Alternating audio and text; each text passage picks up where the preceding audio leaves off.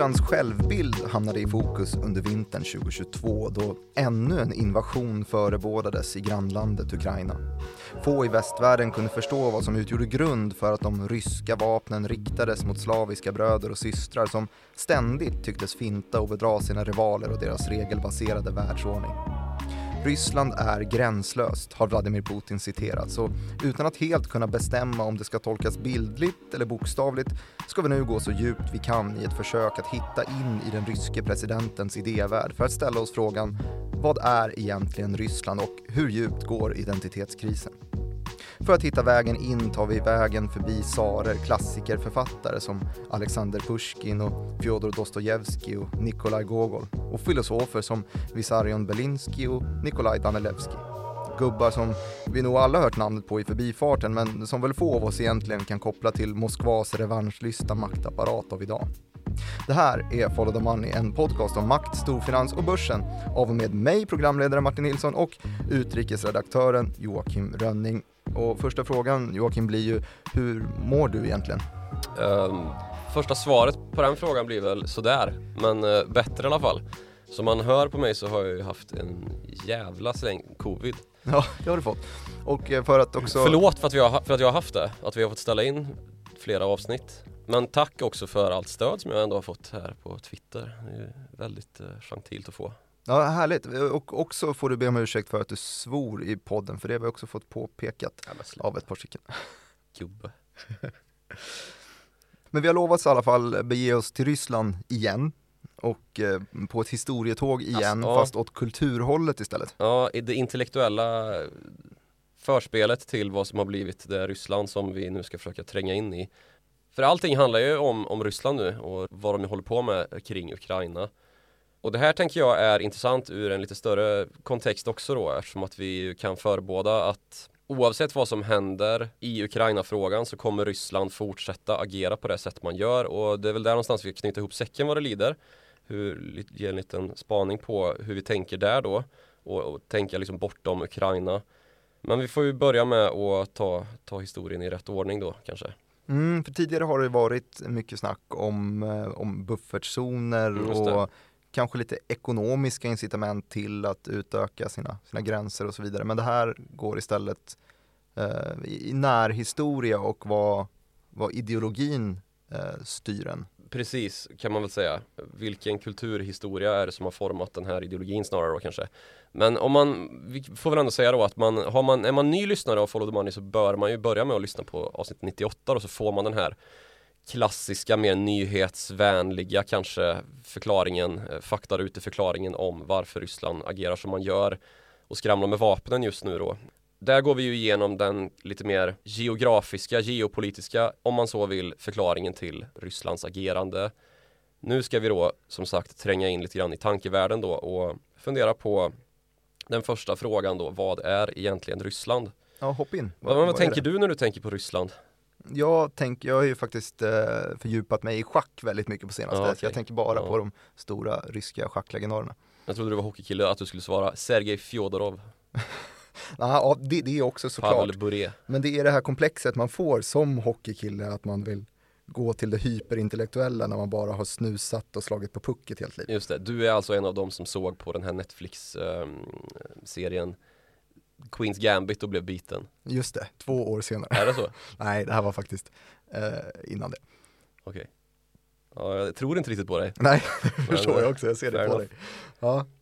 Men eh, vad, vad, tänker du på Ryssland annars då, om du inte tänker på schack utan mer på, på Ryssland som land? Har du varit där någon gång? Jag har inte varit i Ryssland, skulle, skulle, gärna åka och ska faktiskt dit på, på bröllop i, i Sankt Petersburg eh, alldeles snart. Ja, ja, Men, hej då. Nej då.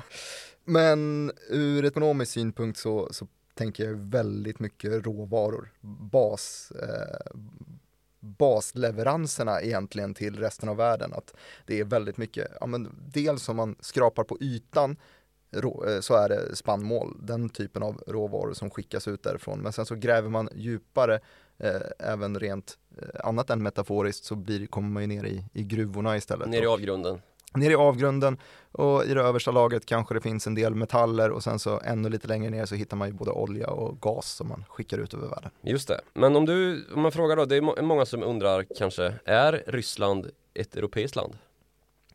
Um, Ja, ja. Mm, precis. Mm. För det är ju en, ett ingenmansland. Det ligger ju både i Asien och Europa ju. Och ja, mest i Asien egentligen ju. Men majoriteten av ryssarna bor ju ändå väster om Ural då i Europa, eller hur? Mm. Det brukar vara den här paradoxen när man ställer sig frågan vilket är den, vilken är den största staden i Europa? Och så ska svaret då vara Moskva men de flesta svarar London. Är det så? Mm. Visste inte jag. Jag är inte så bra på geografi.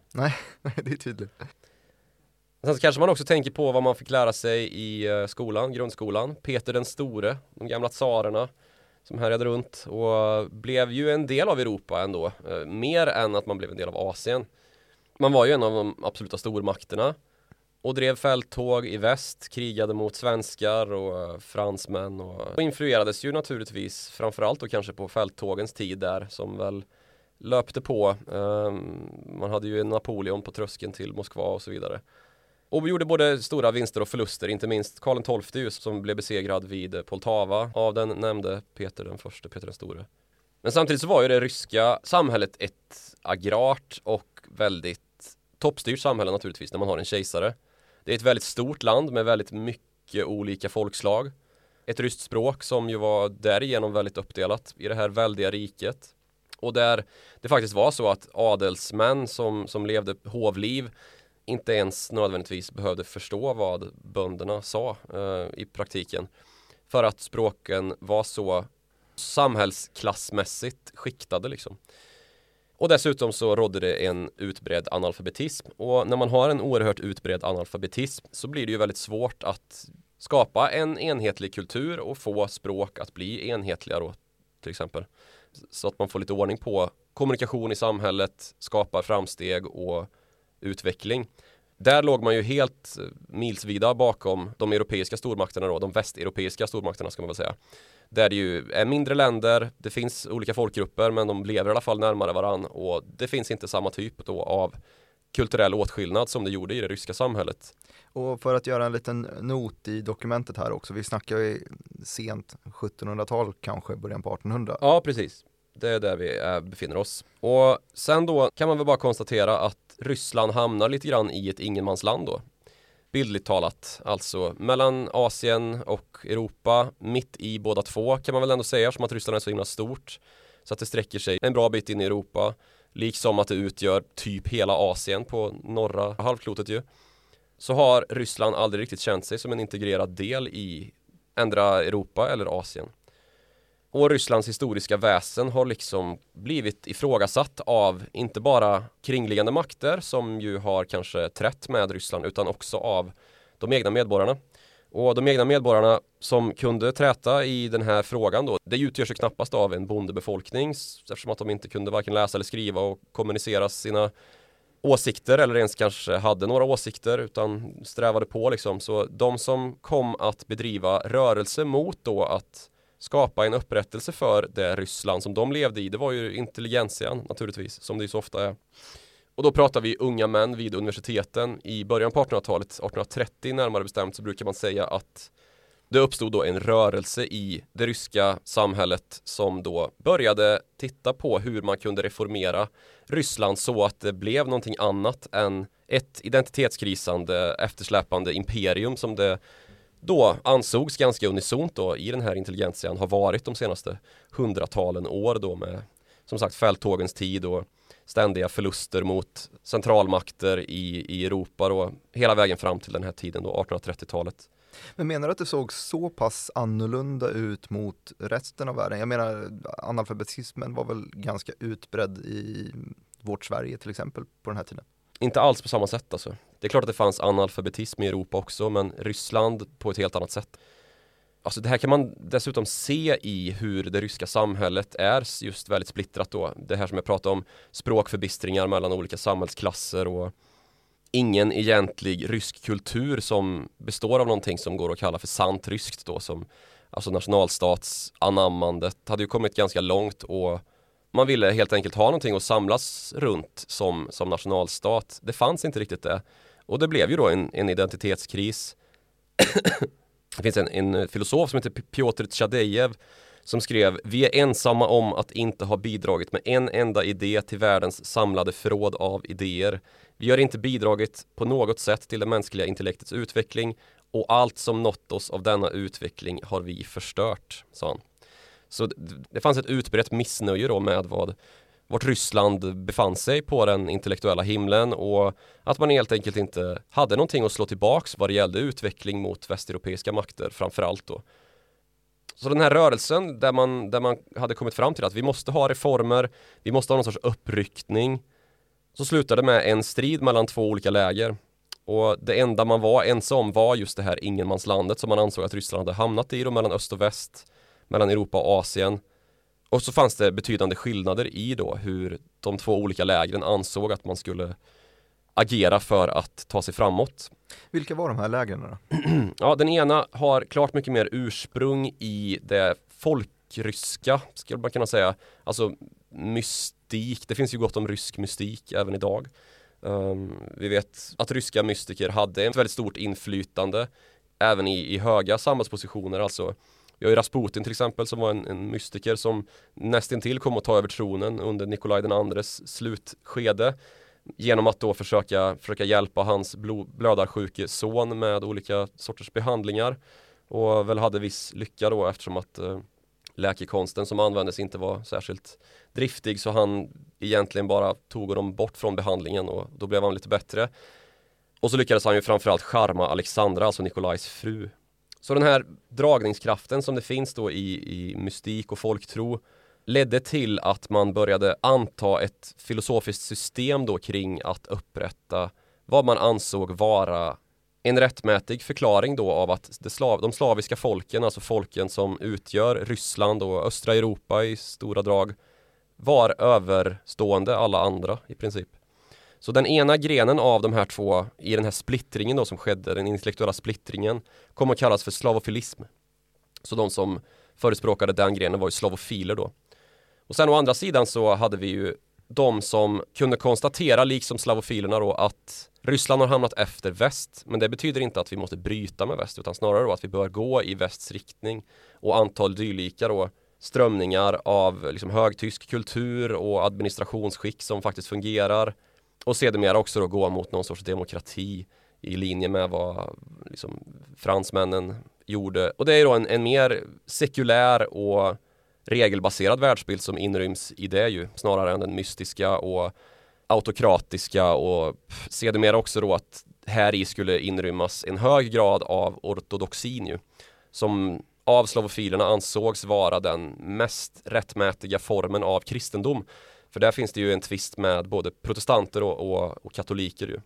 Alltså det fanns en vilja också att gå bort från det ortodoxa i den ena gruppen ja, inte nödvändigtvis gå bort från ortodoxa, men mer ansluta sig till en sekulär världsbild då, som möjliggör kanske smidigare statsskick och mindre inslag av, av kyrka och religiöst styre i någon form. Så, så, den ena gruppen, eftersom jag var tvungen att säga den andra gruppen här, den ena gruppen hette slavofiler, vad, vad kallas de andra? Ja just det, det glömde jag säga, de kallas så zapadniker. Uh, Z-A-P-A-D, Zapad betyder väst då, så västinf- ja, västvänner kan man väl kalla det. Mm. Uh, Zapadniker och uh, slavofiler alltså. Och skillnaden är då att slavofilerna anser att uh, det slaviska folket är liksom gudsuppburet jämfört med alla andra och man ska upprättar då ett system där slaverna är det styrande folkslaget över alla andra och eh, till skillnad då från Zapadniker som mer är öppna och västinriktade och vill att man ska ta efter helt enkelt grannfolk som har lyckats bättre. Vilket man ju konstaterade att väst hade gjort då under den här perioden av ganska så snabb utveckling i Europa både vad gäller statsskick och tekniska framsteg i, ja, men med eh, industriell revolution och dylikt. Så vi har ett ingenmansland som kallas Ryssland som lider av någon form av identitetskris. Det bildas två stycken läger, slavofiler och zapadniker. Hur utkämpas den här striden och, och var, var utkämpas den egentligen? Ja, den är inte så jättevåldsam kan man väl inte påstå. Um, det finns ju naturligtvis drag av det också, men det är ju intellektuella unga till medelålders män som, som utgör den intellektuella eliten i Moskva framförallt då. Så de sitter ju och um, kämpar med att slå igenom censuren som ju, som ju naturligtvis fanns på den här tiden, skriva i olika tidningar och slänga käft.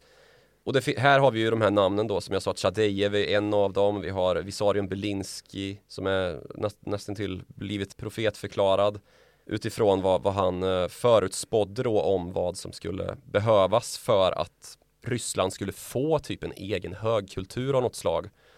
Och när vi pratar om rysk högkultur, vad, vad tänker du på då? Du har redan sagt ett par namn här i introt, så jag tänkte du skulle få chansen igen. Ja, men den enda som jag faktiskt har tvingats läsa någonting om är ju då Dostojevskij. För visst är det han som har skrivit Brott och straff som man tvingades läsa någonstans i Ja, du har läst den Ja, Tvärsäkert, ja. Ja, ja men jag, jag tvekade lite grann just för att jag vill minnas att jag nog läste någon form av sammanfattning kanske. Du läste den här romaner, klassikerromaner för de som har bråttom. Ungefär så. Ja, en, en serietidning. Jag skulle ju bara skriva någon uppsats om det. Ja, jag taskar jag som sitter och sågar att du inte Ja, det är väldigt mycket ja. hårda slag mot min intellekt här. Ja, men Visarion Belinsky då som jag nämnde här, en av dessa filosofer, han hävdade då att litteraturen ska vara det medel som anden ska komma till uttryck genom i Ryssland då. Och den form genom vilken det ryska folket ska, ska ge sitt bidrag då till världskulturen och den utveckling som, som ska ske och som sedermera ska utgöra världshistoria då. Här någonstans så dröjer det ju inte innan Nikolaj Gogol, Fjodor Dostojevskij och, och Leo Tolstoj kommer in i bilden ju. Där har vi ett till namn också. Och här kan jag berätta en liten kuriosa. Alltså? Från samma intellektuella samhällsgrad ungefär så kan vi koppla eh, Tolstoj hela vägen ner kanske 6, 7, 8 generationer ner till Instagramstjärnan Dag Tolstoj istället. De två är, släkt har jag. Jävlar vad vi ska tagga honom i det i eventuell sociala media-kampanj som går ut för det här avsnittet då. Absolut. Ja, nej, han är ju väldigt rolig faktiskt. Ja. Sen när vi ska prata om stora kulturfigurer även på kanske fackbokssidan om man ska säga, som också, det är väl mer filosofi, så har vi en snubbe som heter Mikhail Bakunin som han översätter Karl Marx till ryska då och blir den första att, att omtala behovet av att det behöver ske en revolution i Ryssland. Han är då en uttalad förespråkare av samhällsomstörtning. Sen så skulle faktiskt Bakunin komma och, och skilja sig från Marx i en del avgörande grundsatser för den här samhällsomstörtningen. För han ansåg att eh, den här omstörtningen inte ska kontrolleras uppifrån då som, som ju proletariatets diktatur enligt Marx då ska göra. Han ansåg istället då att det var ofrånkomligt att eh, de kommer bli maktgalna. Ja precis och, och, han förknippade då med en gigantisk och trögrörlig maktapparat som, som skulle förslava folket istället och det var ju exakt så som det blir. Så här har vi också lite av en profet då som kom att, att förutsäga hur Sovjetunionen skulle, skulle bli då. Ja, nu har vi rabblat ett gäng, gäng gubbar, men vi har kommit bort lite från den här tesen som du drev i början, slavofiler, sabbatniker. Mm, eh, vilka är på vilken sida egentligen? Ja, det, det, är ju så att många av de här, alltså det är en ganska diffus rörelse, i, framförallt i början när man bara konstaterar att äh, vi måste göra någonting med vårt Ryssland. Och sen så kommer den här splittringen då med, som utgörs då av att man börjar galenhetsförklara varann utifrån att man antingen står på någon sorts linje där man vill gå mot väst eller står på en linje där man vill vara kvar i öst då, och, alltså zapadnikarna mot slavofilerna då. Och det gäller även för de här olika författarna, alltså, de är ju skönlitterära författare först och främst ju. Och man kan, väl, man kan väl notera drag och sen så kan man väl också säga att alltså Tolstoj till exempel kan man nog inte kalla för varken eller. Men det finns ju naturligtvis gott om exempel på både sapadnism och slavofilism i hans böcker eftersom att han likt alla andra ryska författare, alltså det någonting som man nog ofta minns om man har läst en sån här klassiker är ju det enorma persongalleriet att man måste sätta liksom ett gem eller vika en sida i början för att man har sådana släktträd liksom som man måste gå tillbaka till för att bara, aha det var det här var alltså pantlånerskan som till exempel i, i Brott och straff då. Fan, Aljona Ivanovna Nej, kommer du ihåg det? Fan vad sjukt. Jag tror det i alla fall. Det känns som att vi tappade tråden lite där, eller vad säger du?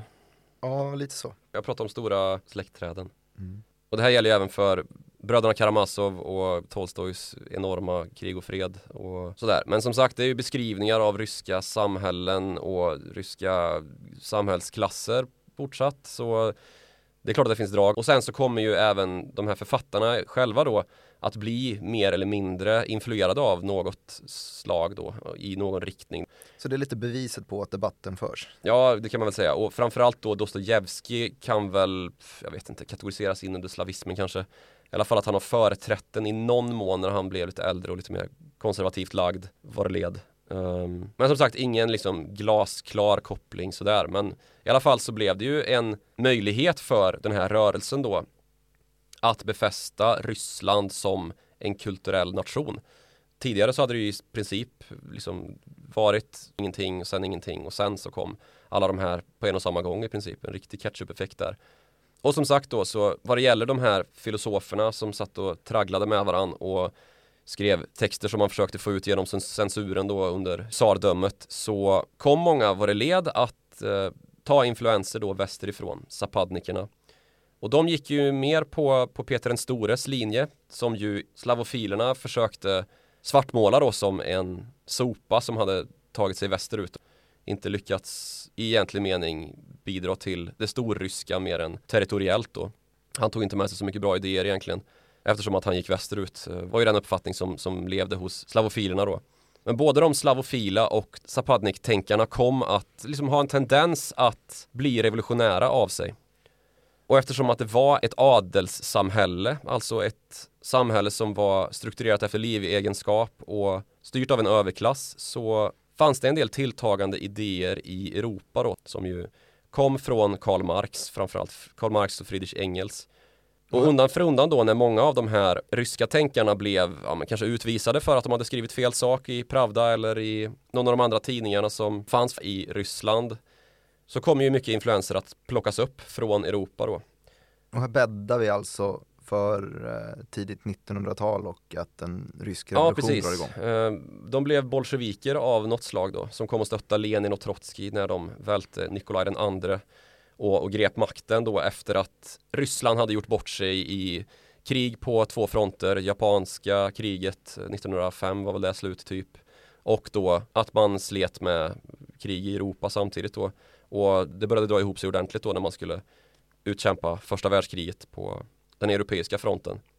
Och det här medför ju att det kommer idéströmmar då från Europa i form av den här kommunistiska vänstervågen som tar greppet om Ryssland fullständigt ju. Och sedermera så blir det här noga ansett ändå som att slavofilerna vinner. Det finns liksom ingen som kan kallas för sapadniker idag egentligen. Det är liksom mer eller mindre betraktat, eller helt betraktat som en utdöd rörelse som, som hade sina glansdagar där under 1800-talet. För sen så ersätts ju allt i Ryssland med Sovjet ju. Och det statsskick som Lenin bestämmer sig för att uh, föra in i Kreml och som ska styra Ryssland sen i, ja vad blir det, 75 år innan, eh, innan eh, republiken börjar falla sönder. Men när vi kommer, om vi skruvar tillbaks liksom eh, och tar det i rätt ordningar så blir det ju den ryska revolutionen 1917, Lenin hamnar på makten och då gör han det med ett kartotek av idéer naturligtvis. Och han är liksom ingen uttalad följare av slavofilin liksom. Men det finns inslag i hur Sovjet kommer att utvecklas som är tydligt ändå slavofilistiskt färgade. Och då samtidigt när det finns ett så omfattande mindervärdeskomplex att göra upp med så är det kanske inte så konstigt att man, man börjar prata om russifiering till exempel då som att man vill ta tillbaka mycket områden, återförryska dem eller vad man ska säga. Och det är då idéer som ganska mycket går att koppla till den panslavism som män som Nikolaj Danilevski och Nikolaj Ignatiev stod bakom då. Alltså att de slaviska folken hör samman. Man har hittat en identitet att ena sig kring och vill förstärka den här. Ja, precis. Man har ju samma kyrka, man har snarlika språk och härstammar från samma folk i grund och botten då för 4000 år sedan. Ännu längre tillbaka i tiden kanske. Och med det så har man ju naturligtvis en, en revanschlystnad när man ansett sig ha, ha presterat så oerhört dåligt då. Att man bara har tagit in influenser som, som har liksom förfallit. Och slavofilerna då till skillnad från zapadnikerna har ju en uppfattning då om att allt som har kommit från väst är ju skit. Det är i värsta fall eh, sekulärt skräp som, som aldrig har varit till någon nytta liksom. Och hela den här dragningen till väst är, är något som bara kan förföra fåfänga och lättlurade ungdomar liksom. Så om man, om man jämför då tillbaka i tiden med vilken rörelse som bolsjevismen tar, alltså Sovjetunionen, så är det ju att man sedermera då efter andra världskriget framförallt ju börjar göra anspråk på sina grann, grannregioner och utökar och expanderar undan för undan och till slut så, så ingås ju den här Warszawapakten som ju stod som en motvikt till eh, NATO, ju det västallierade försvars, eh, militära försvarsförbundet Och där i så ingår ju i princip alla de slaviska folken nu. Som här? Ja, om man ska räkna upp alla de slaviska folken så, så det blir ju ganska många. Och sen så ska man ju vara tydlig med att säga att alla som bor i de länder där de slaviska folken bor är ju inte slaver per se liksom. Men de som brukar räknas till, till östslaver då, som ju enligt den, det ryska synsättet är de riktiga slaverna, det är belarusier och ukrainare utöver ryssar. Sen så finns det då sydslaver, då får vi ta oss ner på Balkan. Det är bosniaker, bulgarer, kroater, makedonier, montenegriner, serber och slovener. Och sen så har vi västslaver då som består av polacker, slovaker och tjecker. Sen så finns det två folkgrupper som kallas för kashuber och sorber som också brukar räknas dit. Och slaviska språk vet vi ju alla hur de, hur de låter och de har ofta kyrilliska alfabetet så att det är svårt att, att läsa dem för västerlänningar. Och det här är ju då alla länder som, eh, som ingår öster om järnridån ju under kalla krigets tidevarv. Och därmed kan man ju se det här draget då från panslavismen som sagt idén, de filosofiska idén om att de slaviska folken hör samman och ska lystra till samma ledare till att man faktiskt ju hamnar, hamnar i praktiken där under kalla kriget då. Men sen tar ju kalla kriget slut och landet delas upp, Sovjet slutar att existera och nu börjar vi närma oss lite, lite mer nutid och plötsligt så är Ukraina ett, ett eget land istället och alla de du nämnde, de Balkanländerna, Serbien, Kroatien, Montenegro och allihopa du sa där, är ju sina egna länder istället. Mm, precis, stökigt, jobbigt. Och det blir ju en liberaliseringsvåg då som går från väst till öst, uppenbarligen. Länder blir demokratier, de börjar ju till och med ansluta sig till NATO, EU och anammar demokratiska styrelseskick. De blir zapadniker kan man väl säga. Om, de, om då zapadniker eh, hade funnits kvar så hade de ju jublat naturligtvis. Är det här då också vi får den stora företagsvågen om vi ska krysta ja, in lite ekonomi det här vi göra också. Det är ju då den stora liberaliserings, eh, alltså det hyperkapitalistiska experimentet tar vid i, i Ryssland ju. Man försöker göra Ryssland till en, en marknadsekonomi över en natt ungefär. Och det visade sig att det kanske var lite för snabbt för att det ska vara Det var lite för hastigt ja, sätt. kan man väl se så här med facit på hand att det gick ju inte.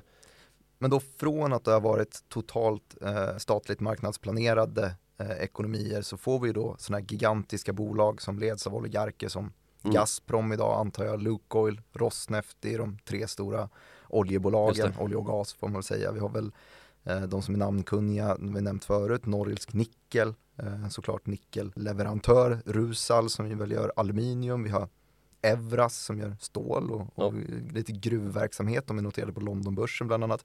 Och så har vi lite, mm, som kanske är lite mer aktuellt idag också, vi har eh, ganska mycket uranutvinning till mm. exempel, Rosatom, vi har Kazatom om man vill blanda in ett kazakiskt bolag i det här hela, jag tog in dem för att de är på, på Frankfurtbörsen också. Mm de blir ju på ett helt eget sätt här. Ja, precis. Man börjar liksom anamma någon sorts regelbaserad ordning helt plötsligt. Men det är ju synd att säga att det är en regelbaserad ordning av västerländskt snitt. För samtidigt då som det kommer ett, en inflytande våg rullande från väst så finns det ju då en motkraft i Ryssland som består då av slavism och att man där i har en dragning åt att försöka styra landet med autokrati.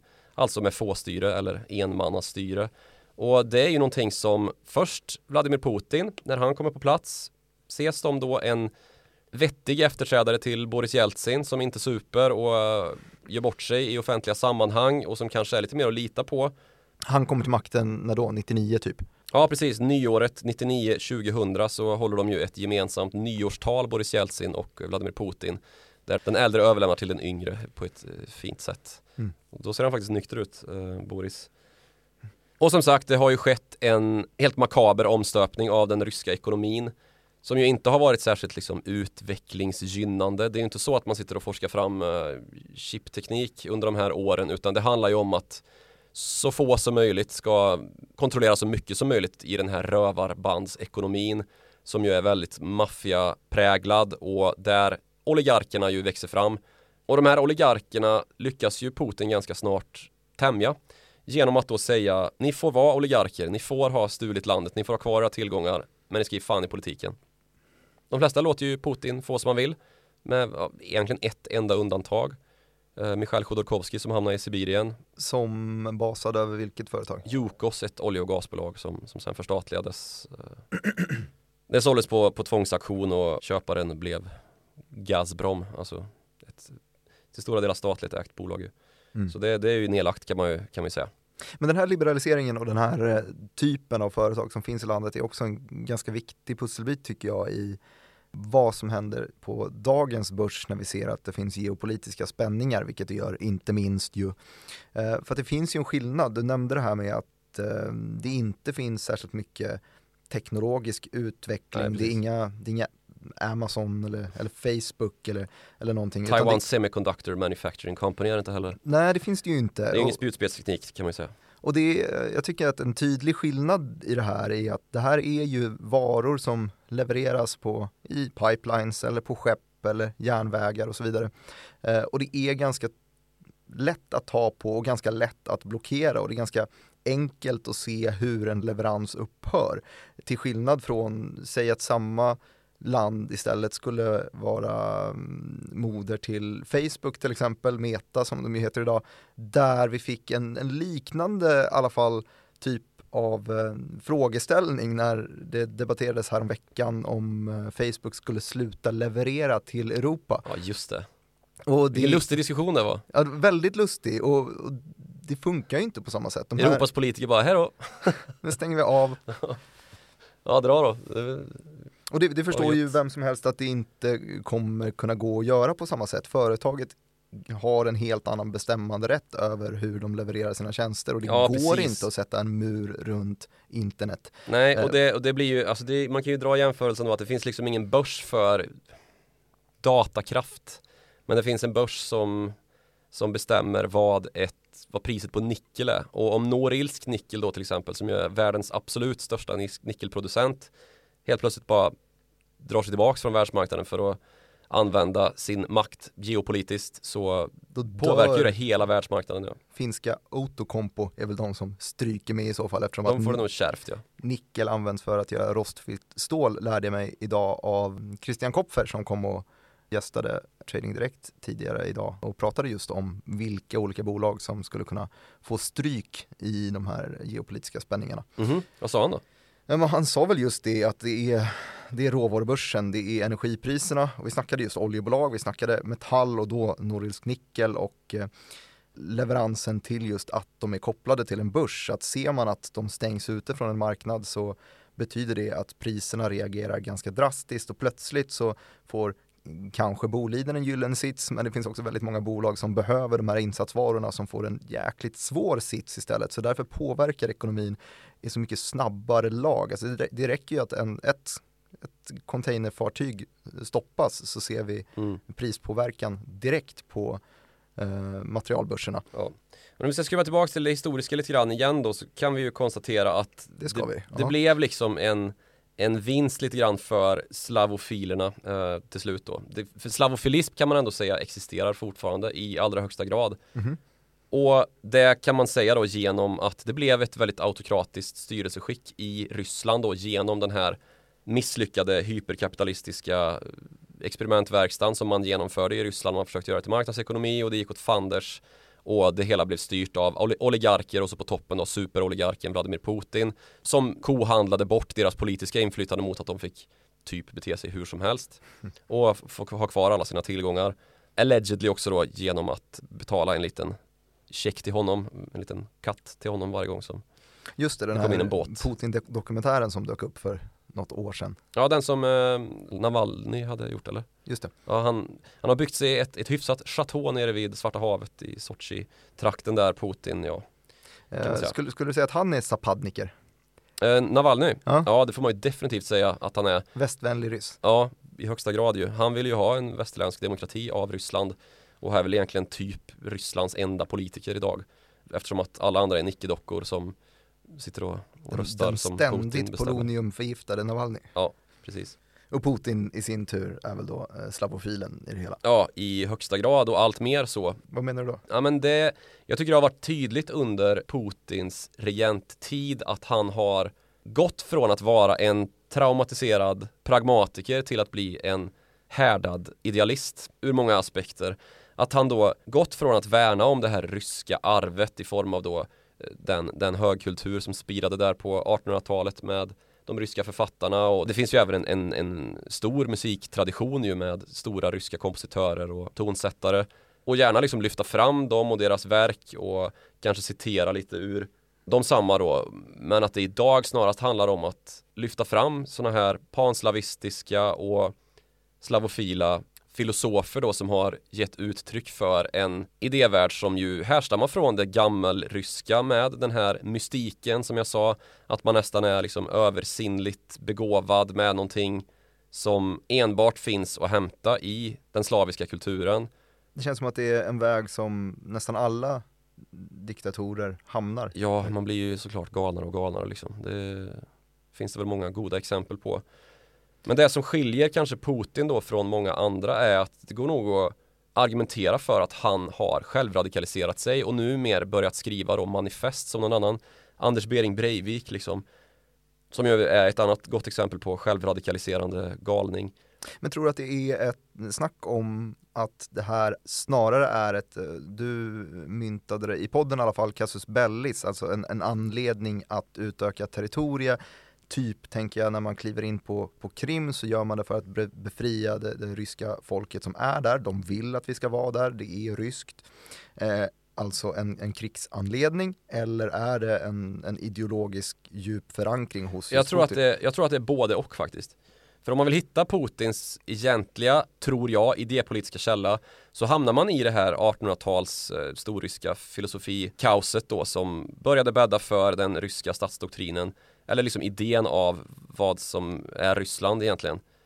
Och i den här idén så finns ju allt det här med ortodoxi som anses vara den verkliga kristendomen, det finns autokrati och så finns det ju ett slaviskt folk. Och i den här själva grundidén så finns det ju också jättemycket revanschism. Och hit in så har ju Putin stöpts på, på ett uppenbart sätt genom sitt högst personliga trauma då i Östtyskland där han satt som KGB-agent när muren föll och han fick fly hals över huvud. Och det har han ju, som jag tidigare sagt, hävdat vara liksom geopolitikens största misslyckande som något land överhuvudtaget gjort då, att Sovjet lät sig själv kollapsa. Så det här personliga traumat i kombination med självradikalisering som han har åstadkommit då via egenhändiga studier med ideologisk prägel gjort honom till, till en hängiven slavofil. Och den här självradikaliseringen ges ganska ofta uttryck och allra senast då i en lång artikel som han publicerade i fjol 2021 som då är ett hotfullt och superaggressivt dokument som närmast är en krigsförklaring mot det Ukraina som vi har idag. Alltså den statsledning och befolkningssammansättning som utgör Ukraina idag. Alltså vad man ska liksom sätta fokus på är argumentationen för att det går att kalla Putin för självradikaliserad. Och det är att den här artikeln som han har skrivit då och publicerat om Ukraina helt och hållet saknar belagd historisk grund. För alla Putins fakta är liksom artificiella och stöpta för att Ukraina ska kallas ryskt, en rysk provins som måste lyda under ryskt inflytande och att allt annat är en provokation mot Ryssland och Rysslands rätt till att bestämma över de slaviska folken. Och tidigare i historien så har Putin faktiskt erkänt Ukrainas självständighet och tvärt det här. I alla fall vad det gäller stora delar av landet där det inte bor ryssar. Det har varit helt oomtvistligt. Han har inte liksom darrat på manschetten inför det tidigare. Sen så har han kanske haft en räv bakom örat med det då, att han har försökt infiltrera den ukrainska statsapparaten, vilket han ju lyckades med ett tag. Han hade liksom en god vän vid makten i Kiev under Viktor Janukovic. Ja, precis, under en period. Men idag är Putins vision helt otvetydigt att återupprätta Rysslands eh, forna och enligt honom själv då rättmätiga och naturliga storhet. Och i det här så ingår då att återbörda de 25 miljoner ryssar som inte längre bor i Ryssland utan i exempelvis Ukraina då i de gamla territorierna. Men i, i, så fall så låter det ju som att Ukraina inte alls är i hela kakan utan det är bara en liten pusselbit eftersom att det var ju ett av tio länder som du rabblade upp som Putin ansåg var hem åt slavofiler. Ja, men sen så finns det olika grad av slavism då. Om man, det, först och främst så är det ju de östslaviska folken som ska inackorderas i Ryssland. Och man kan ju säga att Belarus då, där många östslaver bor, det är ju redan inackorderat. Sen så har vi ju dessutom Ukraina då, som det största landet som har en östslavisk folksammansättning. Och sen tror jag inte man ska gå på den linjen att man bara antar att den här panslavismen är att allting ska bli Ryssland. Utan att man ska ha täta band och en pakt liksom, ungefär som Warszawapakten eh, ju. Den var ju dessutom större än bara de här slaviska folkens länder. Men att man vill att maktsfären som han har uttryckt det då till NATO ska vara underordnad Ryssland helt enkelt. Så om jag ska förstå det här rätt då så har Putin varit på någon form av filosofisk resa och hans ideologi eh, säger nu åt honom att det är dags att utöka gränserna. Ja, men lite så. Alltså för tio år sedan så citerade han gärna Dostojevskij, bröderna Karamazov, Brott, straff och idioten liksom. Men nu handlar det snarast om den konservatism som Dostojevskij då utstrålade på äldre dagar. När han hävdade själv då att panslavismen är gött och bland annat tyckte han att Balkan skulle ju införlivas i det ryska imperiet. Har inte de nog med bråk där borta? Ska du, ska du in en till i den Ryssland är ju inte helt oskyldiga till det naturligtvis eftersom att man stödjer den slaviska infalls, alltså de slaviska folkens infallsvinkel på konflikterna som råder där. Är det Serbien då eller är det Ja, framförallt Serbien är ju, de är ju närmast knutna. Sen så om man ska gå hela vägen då och kalla Putin för en, en slavofil så jag vet inte, men man kan i alla fall inte konstatera man, man kan i alla fall konstatera att han aldrig någonsin har citerat en Zapadniker liksom. Så idag handlar det istället om att citera filosofer som Danilevski som rakt av hävdar då att Ryssland tillhör inte Europa utan Ryssland går en maktkamp på skiljelinjen mellan två helt olika civilisationer med skillnader som, som absolut inte går ens att överbrygga. Och dessutom då att den här kampen mot det västerland som Europa utgör är liksom ett måste för att eh, rädda Ryssland. Inte ens ett nödvändigt ont utan att man måste gå den här kampen mot Europa. Man måste besegra Europa. Och den linjen förklarar mycket om varför Ryssland gjort sig själv till paria under Putin då. Och att man kan motivera och gå på tvärs med alla doktriner och den här regelbaserade ordningen och bara skita i vad FN-stadgar och OSSE-protokoll och överenskommelser betyder liksom. Och en annan filosof som han ofta gärna citerar är eh, en herre som heter Ivan Iljin. Och Ivan Iljin är då en filosof som 1925 skrev ett verk som heter Att med våld motsätta sig det onda. Och här har vi också lite grann av förklaringen till att högerkrafter faktiskt huserar ganska fritt i moderna Ryssland idag. För det Ivan Iljin då tog fasta på var en profetia som han själv kom med då om att Rysslands kommunism skulle falla. Marxismen var liksom inte i, i Sovjet för att stanna. Och så började ju han då tänka, hur ska Ryssland agera när kommunismen väl har fallit? Och enligt Ivan Iljin då så måste det komma på plats en ny ledare med en ny rysk idé som är grundad i religion och nation för att rädda det här landet Ryssland då. Och det här landet då, det nya Ryssland, ska därefter ta hand om alla slaviska folk som aldrig kommer att klara sig själva. De kommer aldrig klara av att bygga en egen stat. Och då pratar vi om sydslaverna och västslaverna samt då slaver som befolkar Ukraina och Belarus. Så Rysslands ledare ska alltså leda samtliga de här ländernas befolkningar. Och mycket riktigt också så har ju Ivan Iljins tankar kommit att få en helt ny tyngd i det moderna samhället, alltså 2000-talets Ryssland. Och han är idag rikligt citerad av Vladimir Putin själv. Liksom då han, han gärna citerar Danilevski som kommer från den här filosofiska linjen då om att västerlandets civilisation är moraliskt och etiskt korrupt och fördärvad och en helt annan kulturtyp än den som utgör den här dominanta slavismen då som, som vi fortfarande inte riktigt har sett skörda särskilt mycket framsteg och, och utveckling i världen i sin helhet som ju ekonomiskt har varit dominerad av det som Zapadnikerna då stod bakom att man skulle närma sig väst snarare. Mm. Så de här oroande liksom dragen av den här utvecklingen är ju då hur Putin har gått från att citera klassiker, upphovsmän som liksom har gjort Ryssland till en världsberömd författarnation till att börja citera sådana här panslavistiska, ganska militanta filosofer då och därefter dessutom formulerat sina egna tankar i sådana här dokument då om grannlandet Ukraina hittills får vi se, det kommer väl säkert fler om då um, hur broderfolken alltid kommer vara i Rysslands intressesfär och att alla försök att gå västerut för de här länderna är helt enkelt otillåtet. Men samtidigt finns det ju stärkta band, i alla fall ekonomiskt om vi glider in på det igen, till väst. Jag tänker på bara Nord Stream 2 ambitionerna. Mm, precis, det stämmer ju att ekonomiskt så, så är det ju en helt annan balansgång än vad det är politiskt då. Att man absolut inte vill att NATO ska ha någon representation i de här länderna som befolkas av eh, slaviska brödrafolk liksom. Men å andra sidan då så har vi ju jättemycket ekonomiskt utbyte mellan Ryssland och, Europa och Ryssland har gjort sig helt beroende, mer beroende än någonsin kanske av sin export till Europa. Men samtidigt finns det ju krafter som går i, i precis andra riktningen, lärde jag mig av eh, Christian Kopfer under intervjun idag, råvaruanalytikern på Handelsbanken, att eh, vi pratade om det, det väldigt höga oljepriset. Brentoljan eh, är en bit över 90 dollar per fat. Eh, vilket betyder att det är lukrativt för, på ett helt annat sätt idag än vad det var bara för ett år sedan att prospektera efter nya fyndigheter och så vidare. Men väst har inte börjat göra det än. Väst har inte riktigt samma efterfrågan på olja, även om den fortsatt är hög, eh, som den har haft tidigare. Men vi ska bygga som... havsbaserad vindkraft istället. Men exakt. Eh, och istället det som verkligen driver tillväxten och driver efterfrågan på fossila bränslen är tillväxtmarknaderna och då snackar vi såklart Kina, vi snackar Indien, antar jag är de två stora. Han nämnde också eh, Afrika, att det finns viss efterfrågan där också. Och att man ser att investeringarna från ryskt håll går snarare att bygga pipeline som glider österut eller sydöst kanske genom Kazakstan där vi hade lite närvaro tidigare för att eh, kunna leverera till tillväxtmarknaderna istället. Det, det, går ju åt andra hållet i de här krafterna. Mm, men jag, vad jag tror att Christian menar är att tillväxten finns där.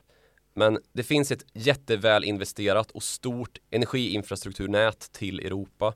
Det är otvetydigt så, annars hade vi inte kunnat ha de här siffrorna med liksom, en majoritet av Rysslands BNP bestående av energiexport till Europa. Liksom. Så det är väl snarast då jag vet inte, en fråga om vart kommande investeringar kommer landa. Nu när man ser då att Europa drar ner på, eller försöker i alla fall dra ner på sin gas och oljekonsumtion då så kanske det inte finns samma incitamentstruktur i tillväxtmarknader naturligtvis eftersom att de behöver ju komma ikapp välfärdsregioner som Europa som har lyxen liksom att ägna sig åt hållbar energi och dylikt. Det är ju en, en långvarig konflikt mellan just tillväxtländer och välutvecklade länder ju att de välutvecklade länderna sätter sig ner med sina klimatprotokoll och hävdar att vi måste dra ner och så säger tillväxtländerna ni kan dra ner för vi behöver den här energin för att skapa den tillväxt som ni redan har haft med hjälp av smutsiga energislag. Säger Indien och eh, deklarerar att bli koldioxidneutrala 2070. Ja, precis. Indien är ju kanske det bästa exemplet på det. Att, eh, att man verkligen står bakom den tanken som jag nyss gav uttryck för då att välfärdsländer har haft billigare energipremisser som har varit smutsigare och driva upp sina ekonomier genom då. Och att nu bara för att det är klimatkris så ska, så ska Indien få helt andra ett helt annat spelfält då. Det anses inte vara legitimt och, och rättvist. Men jag tror som sagt inte att det finns en risk som man ändå får se det som ur en demokrativurmande utgångspunkt att Ryssland ska liksom även geopolitiskt sluta sig samman då med andra autokratier som finns då i öst. Just för att folket inte är ryskt. Nej, precis. Alltså det, det, är inga slaver som bor där borta, eller inga slaver. Det är ingen slavisk majoritet som bor i de länderna. Så den här panslavistiska tanken, eller om man kanske inte ska gå så långt som att kalla liksom, det ryska statsskicket för panslaviskt naturligtvis, men det är återigen, som jag sagt i tidigare avsnitt, en grav misskattning att se på Ryssland och Kina till exempel då, som är stormakten där borta som en enhet liksom, eller att, att de drar jämnt hela tiden. Sagan om drakbjörnen som, som jag pratat om tidigare. Så det är rent kommersiella intressen som Ja, som jag tror att det är det som styr först och främst. Men visst att eh, under en period nu om det skulle bli långvariga sanktioner mot Ryssland och att man helt enkelt står där med ett infrastrukturnät, eh, olje och gasinfrastrukturnät till Europa som inte går att nyttja till den grad som man behöver. Klart att man kommer upprusta och investera österut. Det, det kommer man göra även utan sanktioner just för att det nog är där som den, den stora tillväxten kommer komma. Men jag tror att det absolut är ett feltänk och, och se det som att Ryssland kommer stänga av gasen och oljeleveranserna till Europa bara för att man inte får som man vill geopolitiskt. Det är en för stor del av kakan. Det är en alldeles för stor del av kakan. Man får alldeles för mycket intäkter ifrån den energiexport som man skickar till Europa. Men du, jag tycker att du har gjort det här ganska bra ändå. Hyfsat hostningslöst avsnitt. Vad kunde jag gjort bättre? Ja, du hade ju kunnat Vill du höra en liten hostning?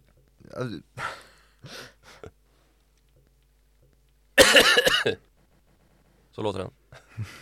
Covid-hostan. Vidrig är den. Ja, just så. Så att du kanske kan få svara på en, en sista fråga innan du kan få hosta i fred. Mm -hmm. Och det är väl då scenariot om Ryssland och hur mycket som drivs av just Putin och hur mycket som drivs av, av landet. Eh, vad, hur skulle du se ett, ett scenario där eh, Putin försvinner, ett ka, kaputt in? Oh. roligt. Tack. Eh, först och främst vill jag säga bra fråga eftersom att eh, det inte bara handlar om Ukraina. Det är ju jättemycket fokus på det och har varit det och kommer vara det under överskådlig tid förmodligen. Men det intressanta är ju egentligen vad som händer med den idévärld som just nu utgör Kremls tankesätt ju. Och Kremls tankesätt, ja det är ju Putins. Och han är ju ändå en, en yngling, tio år yngre än, än Biden till exempel. Ja, det är han ju. Men det enda som är säkert är ju att folk dör liksom. Eh, så det kommer ju Putin också göra vad det lider. Och han kommer dessförinnan kanske bli äldre än vad han är nu. Och han kanske till och med kommer bli så pass gammal att han inte pallar med att regera längre. Och vad som väntar då är ju i hans tycke och enligt hans egen agenda då naturligtvis att han ska kunna lämna över till någon som ger honom säkerhetsgarantier. Samma kontrakt som han hade med Boris Jeltsin. Ja, exakt. Eh, Putin blev ju Jeltsins efterträdare inte helt utan att lova beskydd för Jeltsin och hans familj som ju, ja, ryska ledare är ju aldrig okorrupta, höll jag på att säga. Så han letar ju naturligtvis efter en eh, möjlig efterträdare som kan lova fri lejd och lugn och ro i pensionen. Sen så har han ju undan för undan förlängt sin eh, konventionella rätt att styra Ryssland. Så han kan ju göra det till döddagar i praktiken. Men eh, frågan är väl om han vill det. Och vem som i så fall kommer efterträda då. Just det, för han klubbade igenom någon form av lagförändring här om året Ja, där precis. han kunde sitta till 2036. Ja, jag vet inte riktigt, men det tills han är över 80 i alla fall. Mm. Och så finns det naturligtvis alternativa scenarion utifrån då hur den här idévärlden påverkar den fysiska världen. Alltså om det slutar i någon ny sorts omstörtning. Då är ju Putin förmodligen den första att falla offer i någon sorts tribunal vad det lider. Och det är ju naturligtvis det han fasar för och därför han förstärker maktgreppet undan för undan och inte visar några som helst tecken på att låta sig försvagas varken inifrån eller utifrån varken av Navalny eller grannländer som vill närma sig NATO liksom.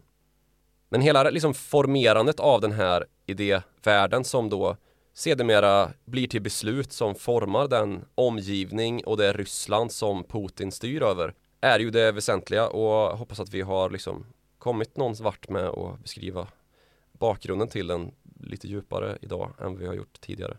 För det här är ju som sagt Det enda du har sysslat Ja med men det är de helt sjukt vad det händer ingenting annat än ja, Ryssland och, och Ukraina och den här säkerhetssituationen i Europa. Naturligtvis det är ju jätte, jättestort och högintressant då vart någonstans influenserna hämtas för den fortsatta utvecklingen naturligtvis, tycker jag i alla fall.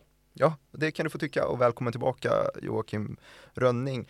Eh, du avslutade med att säga att Putin var rädd för den tribunal han kanske utsatts för. Vill ni själva utsätta oss för någon form av tribunal så kan man göra det via mejladressen followthemoney.direkt.se. Man kan också göra det via Twitter. Då når man utrikesredaktören på snabel Joakim Ronning och mig når man på snabel direkt Martin.